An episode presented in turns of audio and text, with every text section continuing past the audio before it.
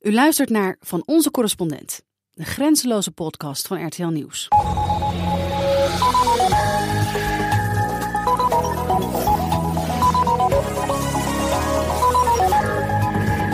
Welkom. Twee keer per maand praten de correspondenten van RTL Nieuws over de laatste actualiteiten in hun land of over iets dat het nieuws deze week juist niet heeft gehaald. Mijn naam is Stefan de Vries, ik ben correspondent in Parijs en van hieruit nemen we jullie mee over de hele wereld naar de standplaatsen van onze correspondenten. In deze aflevering gaan we naar Amman, New York, Rome, Johannesburg en Den Haag. Attention à la marche en descendant du train. Please mind the gap between the train and the platform. Bitte beachten Sie beim Aussteigen die Lücke zwischen Zug- und Bahnsteigkante.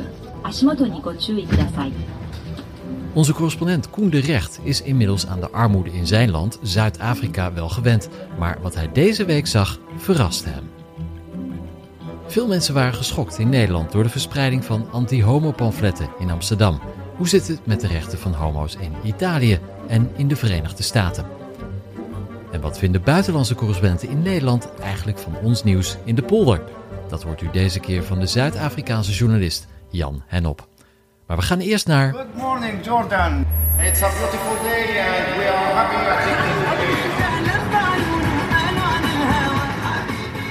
Amman in Jordanië. Daar zit onze Midden-Oostenman net terug uit Irak, Olaf Koens. Olaf, hoe was het daar? Stefan, ja, dat, eh, dat was nogal wat eigenlijk. We wouden al heel lang naar Irak en eh, we hadden eindelijk een visum gekregen. En toen we er waren, sterker nog, toen we zelfs in de buurt van het front waren, toen brak ineens het offensief eh, richting Mosul los. Dus goed getimed deze keer. Nou, was er een kausaal verband tussen jullie komst en de start van het offensief? Nee, we waren een dag van tevoren op, op die basis. Op een van de vele bases natuurlijk die daar zijn. En toen hebben we eigenlijk een heel kalm, een heel rustig verhaal zouden we maken over hè, wanneer gaat het nou beginnen, dat offensief richting Mosul. En wat staat er allemaal klaar en hoe gaan ze dat aanpakken en zo. We hebben ook een aantal eh, generaals gesproken en wat mensen die daar een beetje de blonde smiezen hebben. En die zeiden allemaal, ja, we weten het niet. We wachten op het signaal uit Bagdad en eh, we hadden de hielen nog niet gelicht en we zaten wat te eten. En eh, het signaal uit Bagdad kwam en de volgende om vijf uur is het offensief begonnen. Dus we, stonden er, we stonden ervoor. ja, bovenop het nieuws dus. Ehm, maar wat ik ook altijd interessant vind, is wat we niet te zien krijgen. Dus wat er achter de schermen gebeurt. Ik zit natuurlijk in Parijs, daar is alles relatief makkelijk te regelen. Maar als je in een oorlogsgebied zit, of in dit geval Bagdad, dan lijkt me dat logistiek zeer ingewikkeld, om niet te zeggen een nachtmerrie. Hoe ga je daar te werk? Ja, het, het, is een logistieke nachtmerrie in, in, in alle opzichten. Ehm, het begint natuurlijk met, met hoe je je verplaatst. Hè. Bagdad is een stad, dus eigenlijk, het is geen eens een stad. Het is een aaneengeregen eh opvolging van checkpoints, van hoge muren, van meer checkpoints, van afgesloten gebieden, van wijken. Van, ja, het is, het is een, een hele vreemde plek. En om je daar te bewegen, om daar op plekken te komen waar je moet zijn, eh, moet je eh, met lokale mensen werken natuurlijk. Eh, in dit geval een, een, lokale producer en een, en een chauffeur. Die je moet kunnen vertrouwen en die nemen je mee. die kant op, die kant op. Ik denk dat de rit van Bagdad naar, ehm, naar het noorden, zeg maar, richting Mosul. Nou ja, ik, de god, misschien zijn we wel door 80 verschillende checkpoints gekomen. Dan kom je aan en dan, dan heb je internet. Eh, hoe komen je reportages aan in Hilversum bijvoorbeeld? Eh, er zijn een aantal manieren. Ehm, je, komt, eh, er, zijn, er zijn eigenlijk twee manieren. Of je hebt mobiel internet, het gewoon het mobiele internet dat wij allemaal kennen op onze telefoons. Eh, maar in dit soort gebieden, eh, vergeet ook niet dat eh, ja, de, de, de buurt van Mosul, zeg maar, dat is ruraal gebied, is gewoon woestijn eigenlijk. Nou, daar heb je wel telefoonverbinding, dus je kan wel gewoon bellen. Maar je hebt geen internet meer. Ehm, dus je moet alweer gaan rijden, een stuk dichter bij Bagdad zien te komen. Wil je mobiel internet hebben? Wat je ook kan doen is een, een beacon meenemen. Dat is een klein satellietkastje. Het probleem met die dingen is dat ze heel erg langzaam zijn. Ja, wij draaien tegenwoordig allemaal in HD. Dus ja, twee minuten eh, nieuwsitem eh, is al gauw eh, 300, soms 400 eh, MB. En dat krijg je ook via zo'n kleine beacon, eh, via die satelliet dan niet meer weg. Dus in dit geval eh, zijn we maar gaan rijden. Ja, rijden, rijden, rijden door de woestijn heen. Tot je bij een dorpje komt, bij een ander dorpje komt. Hebben ze hier misschien wel 3G? Heeft u 3G? Weet u waar 3G is? En uiteindelijk hebben we inderdaad een plekje gevonden met de 3G. In Irak is de, de verdeling zo dat eh, de, de Shiïtische dorpen, die zijn wat rijker dan de Soenitische dorpen. En de Shiïtische dorpen, dus daar is de kans groter dat je 3G tegenkomt. Dus in een oorlog van tegenwoordig is de belangrijkste vraag niet waar zit de vijand, maar waar heb ik 3G? Zeker, ja. In het Koerdisch gebied is dat alweer wat makkelijker. Daar heb je wat meer mobiel internet. Maar goed, wij zaten dus uh, bij het Iraakse leger. Uiteindelijk hebben we een, uh, een militie gevonden die ons wou helpen. Dus we hebben ook in een, in een, ja, een soort safehouse van die militie gezeten. Een paar dagen overnacht gegeten, geslapen en ook gebruik gemaakt van hun internetverbinding. Die daar was aangelegd. Hè. Dat is dus een huis, was dat, dat is veroverd op IS een aantal weken geleden. Daar is net stroom aangelegd. Daar was ik bij toen ze daar de stroom aanlegden. Maar het internet deed al. Ja, dus dat is tegenwoordig echt uh, de prioriteit. Uh, eerst internet, dan stroom. Toen kwamen ze water aanleggen. En toen wij weggingen hadden ze ook een ijsvoorraad aangelegd om water koud te houden. Maar het belangrijkste is internet inderdaad. Ja, kennelijk is dat dan ook de nieuwe rangorde van onze levensbehoeften. online is belangrijker dan offline. Zeker, dat is de, de piramide van Maslow, maar dan omgedraaid. Ja, precies ja. Heb je je camera eigenlijk teruggekregen? Ja, uiteindelijk wel. Uh, toen we weggingen. We hebben de camera achter moeten laten op de luchthaven van Bagdad. Uiteindelijk uh, hebben we uh, een hoop uit de kast moeten trekken. En is er iemand uit Bagdad naar de luchthaven gereden om tegen iedereen te schelden. En hebben we de camera weer terug te, teruggekregen. Maar het, het scheelde niet veel. Heb je daarvoor wat bakjes in envelopjes onder tafel moeten schuiven? Wonderbaarlijk genoeg niet. Nee, dit, dus het, dat was aanvankelijk was dat wel het idee. En dat begint dan met 50 dollar. En dan wordt het alweer 100 dollar, 200 dollar, 500 dollar. Ja, toch een dure camera. Maar uiteindelijk hebben we dus iemand gevonden die via via uh, uh, ons de camera terug bezorgt. maar wonderbaarlijk genoeg uh, heeft ons dat deze keer geen geld gekost. Nou, dat is mooi. Dan kun je die camera nog de komende weken gebruiken voor mooie reportages weer vanuit Mosul. dankjewel, Olaf Koens in Amman. Overstappen voor de richting Johannesburg. Welcome aboard Cow Train. The next station is Rosebank. We gaan naar Zuid-Afrika. Het land dat wordt gezien als het meest ongelijke ter wereld. Superrijk woont er soms op een paar kilometer afstand van ongelooflijk arm. Correspondent Koen de Recht woont al twee jaar tussen die ongelijkheid in Johannesburg. Hij dacht het allemaal wel gezien te hebben inmiddels, maar dat bleek deze week toch niet helemaal waar. De handen graaien gretig door de grote hoop kleren die op tafel ligt. In de sloppenwijk Munchieville in Johannesburg is zojuist een lading tweedehands kleding binnengebracht door een vrijwilliger.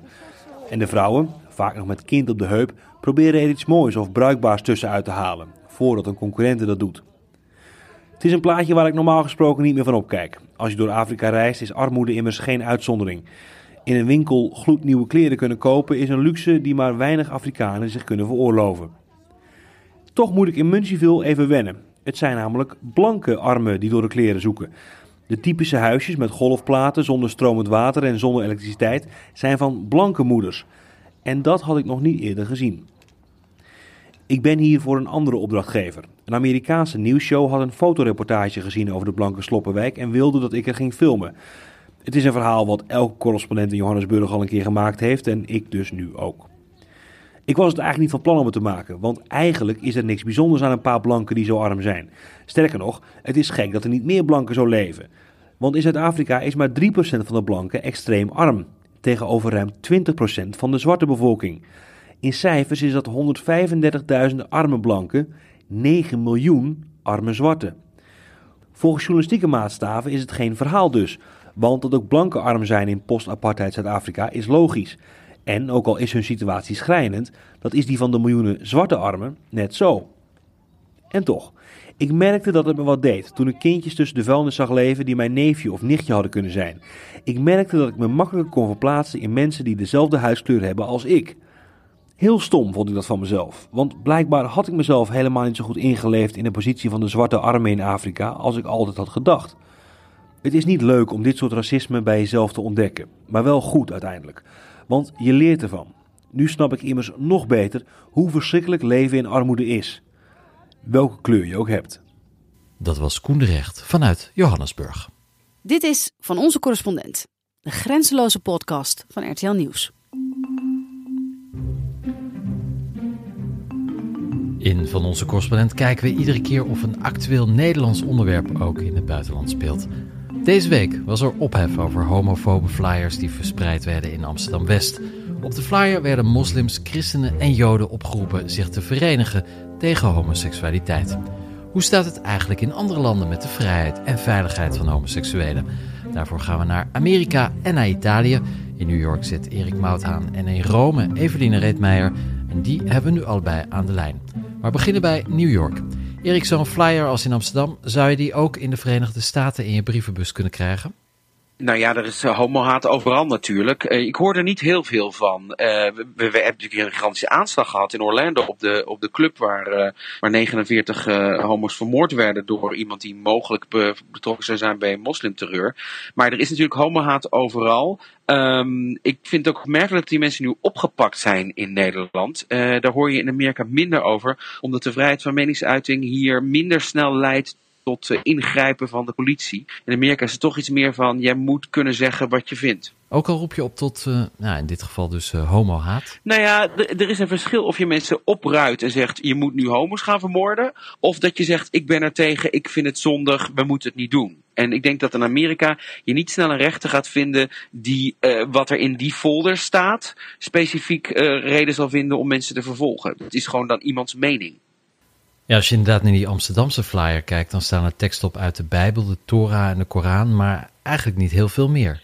Ja, dus het, ja, en, zolang je niet zegt van en, en, dus moeten jullie weg of moeten jullie dood, is het moeilijk om te vervolgen. Uh, in Amerika heb je een, een groep die heet de Westboro Baptist Church. Dat is een kerk die altijd demonstreert bij de inauguratie van presidenten, maar ook bij begrafenissen van soldaten. En die staan dan heel, hard, heel hard te schreeuwen: jullie gaan naar de hel, omdat Amerika homo's toestaat in het leger, omdat je kan trouwen als homo in, in Amerika. Dus die, die beweging is er wel, maar die mensen die worden dan soms iets verderop gezet van je staat te dicht bij de, de rouwende ouders van een omgekomen soldaat. Maar die worden niet gezegd dat ze dat niet mogen roepen. Een grote vrijheid van meningsuiting dus in de VS, die bestaat op zich in Nederland ook. Toch namen heel veel mensen aanstoot aan deze flyer. Is er bij jou in Amerika de laatste tijd sprake van een toename van homohaat? Of neemt het in jouw ogen juist af? Nou, er is een soort uh, reactie op het feit dat uh, de homo-rechtenbeweging heel veel gewonnen heeft de afgelopen uh, jaren. We hebben natuurlijk gezien dat heel de Verenigde Staten heeft nu het homohuwelijk. En ik wijs altijd de Nederlanders erop dat heel, in, in heel Europa geldt dat nog niet. Maar wel in heel de Verenigde Staten. In elk gehucht, in een achtergebleven gebied in Texas of in Louisiana, kunnen homo's nu met elkaar trouwen. En dat wordt ook afgedwongen door de regering. Dus het is een enorme verandering. Ehm, je ziet dat het thema voor de gemiddelde Amerikaner helemaal niet meer te doet als mensen gevraagd worden erover. Nou, zelfs in deze verkiezingen. Bij voorgaande verkiezingen ging het heel veel hè, bij de Republikeinen over eh, sociale normen en waarden. En dat het homohuwelijk moet teruggedraaid worden. Nou, Trump heeft het er nooit over. Het interesseert hem totaal niet. Dus dat is echt, uh, ik vind het echt een immense verandering uh, in, in de Verenigde Staten. Dankjewel, Erik Mouthaan. Grote veranderingen dus in de VS, maar in bepaalde Europese landen blijft de verandering juist achter. In Italië bijvoorbeeld, en daarover praten we met Eveline. Worden bij jou uh, wel eens anti-homo flyers gesignaleerd of andere uitingen van homofobie? Ja, helaas is, uh, gebeurt dat hier ook. Uh, dit, dit jaar is nou ja, wereldbrekend in Italië eindelijk het geregistreerd partnerschap voor homo's door de Senaat gekomen. En in de aanloop daar naartoe waren er eens in de zoveel tijd posters door de hele stad dat het verkeerd is. En wet of niet, homoseksualiteit blijft verkeerd. Uh, soms ook extremer. In iedere homo schuilt een pedofiel.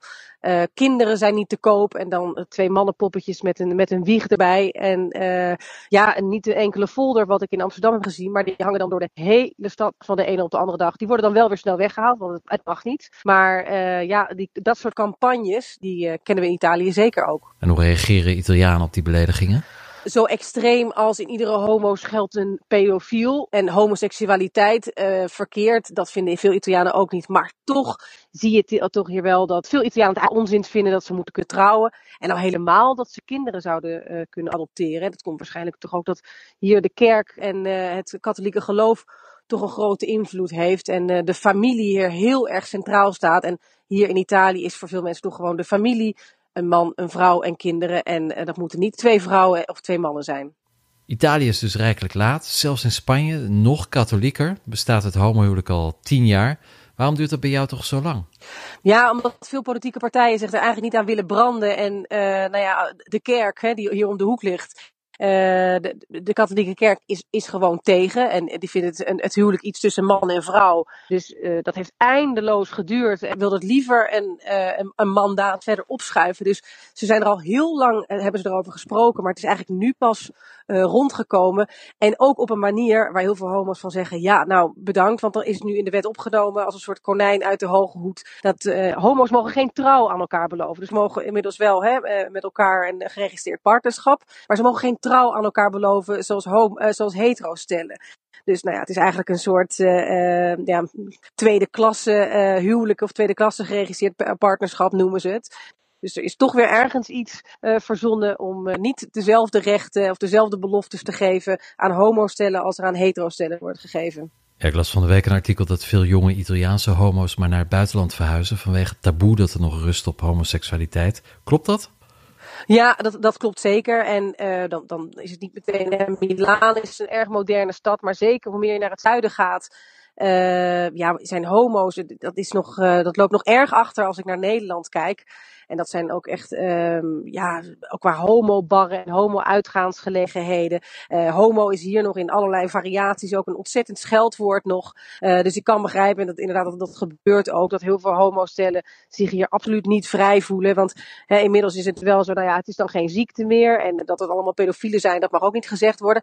Maar helemaal, mensen moeten het ook niet te veel laten zien als ze homo's zijn. Dus homo's die hand in hand op straat lopen, waar we in Nederland toch inmiddels wel echt aan gewend zijn. Uh, dat vinden ze in Italië van, moet dat nou? Kun je dat niet gewoon binnenshuis doen? He, binnenshuis dat is prima, maar ze moeten niet te veel pretenderen. Dus ja, ik kan me voorstellen dat uh, homo's daar weinig zin in hebben en naar landen vertrekken die er, uh, die er wat moderner in staan. Ja, Nederland is misschien dan wel modern, maar toch wordt dit soort flyers verspreid. En als ik je zo hoor, dan heeft Italië nog veel langer weg te gaan. Dankjewel, Evelien Reetmeijer in Rome.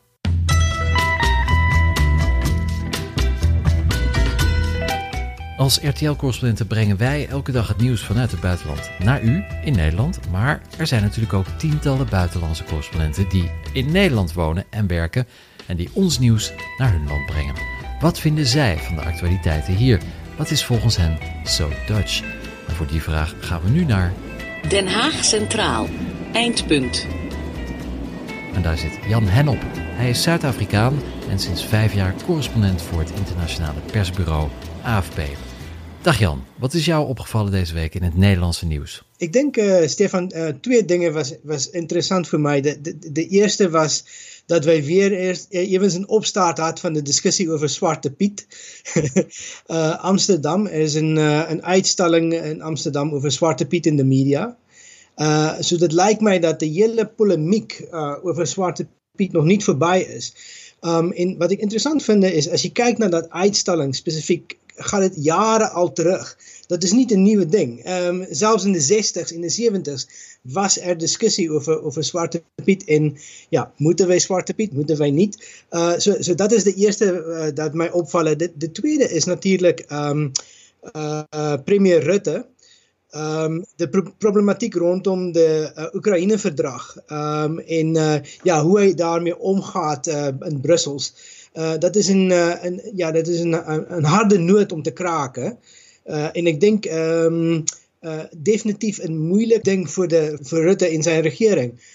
wat is de juiste stappen? Wat doet jij met de uitslag van, van deze referendum? En hoe draag je dat over aan je collega's in Brussels? Um, en dat is, een, dat is een moeilijke. Ja, hoe, hoe heb jij dat verteld deze week aan je buitenlandse publiek? Um, wel, wij hadden uh, wij had veel discussie over de, de bredere problematiek um, uh, op, het, op het moment in, in Europa. Um, de, immigratieproblematiek, um, Rusland. En ik denk dat vanuit ons oogpunt is het nogal moeilijk om te verduidelijken ja, precies wat aan de hand is. Want je hebt een referendum met de 30% uh, stem, stemopkomst. Um, en dan 60, meer dan 60% van dat 30% die had gezegd nee tegen de, de, tegen de Oekraïne-verdrag. Maar het is eigenlijk de bredere problematiek rondom de eurosceptici. En um, ja, hoe, uh, hoe, hoe, verduidelijk je dat uh, uh, aan, aan de buitenland? Wel, door te beginnen om uit te leggen dat er wel heel veel mensen in, in, in Nederland is die sceptisch is over Europa. Um, en ik denk ook dat een, dat een beetje te doen hebben met de, met de Nederlandse mentaliteit. Want wij nemen niet alles nog op de oog. Uh, we don't take things for granted, uh, als, je, uh, als je het in het Engels kunnen zeggen. Nederlanders die zijn mensen die heel analytisch over dingen, naar dingen kijken. Um, en, en dat is de manier waarop wij ook dat overdragen. Is dat um, Nederland is een land die heel veel um, denkt over dingen. En ja, die heel veel innoveren in de politiek, maar ook uh, in andere gebieden. En dat is uh, hoe, hoe Nederlanders er naar kijken. Laten we nog even teruggaan naar Zwarte Piet. Dat is een onderwerp waar buitenlanders vaak over verbaasd zijn. Maar voor jou als Zuid-Afrikaan, met de specifieke geschiedenis van jouw land, is dit onderwerp misschien nog wel veel meer beladen. Hoe kijk jij aan tegen dit debat? Uh, dit, is een, dit is een goede vraag, Stefan.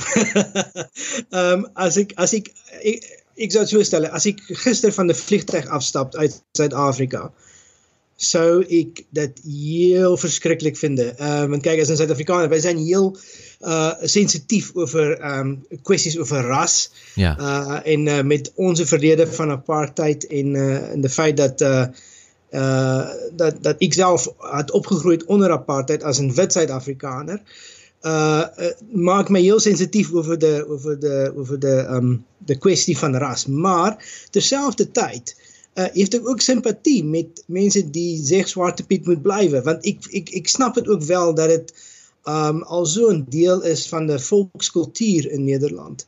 Um dat jy nie sommer so uh, kunnen zeggen, ja, we schrappen Zwarte Piet en dat is het einde van het verhaal. Ik denk dat is een, de proces is, uh, is, een, is, een, is een lange proces en het gaat nog lang duren. En ik denk dat wij nog um, over de volgende decades nog steeds over Zwarte Piet gaan praten.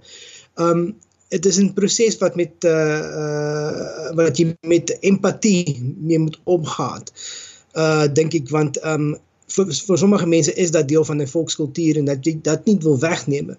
Maar uit mijn eigen oogpunt, um, in Zuid-Afrika bijvoorbeeld, zal uh, iets zoals Zwarte Piet nooit toelaatbaar zijn. Nee. Wordt Sinterklaas eigenlijk gevierd in Zuid-Afrika of is dat nooit uh, meegekomen? Nee, dat is nooit meegekomen. Interessant dat je dat vraagt, want uh, ik, zie, ik zie soms um, in de cultuur in Zuid-Afrika, ik ben Afrikaans, in, in, in, in, de Afrikaner cultuur krijg je heel veel, of zie je heel veel terug vanuit de Nederlandse achtergrond. Um, wij vieren niet uh, Sinterklaas. Nee, en dat is uh, meer te doen met het feit dat um, wij langer een Britse kolonie waren dan een, een ja, Nederlandse kolonie. So, wij kijken naar, um, naar kerst, uh, de, de, de, vieringen rondom kerst en Christmas is de, is de grote. Goed, baie dankie Jan Henop, de correspondent voor AFP in Den Haag.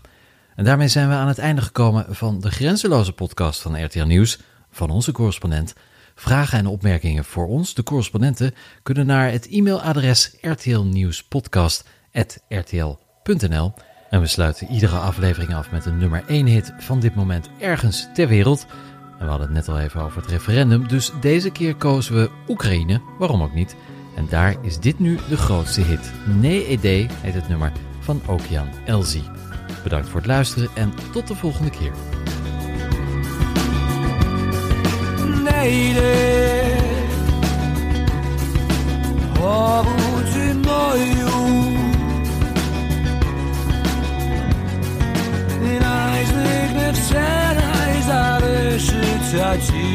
za nic Lady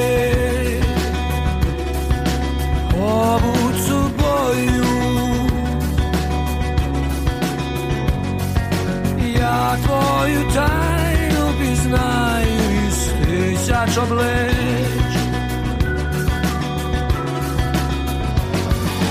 Боже,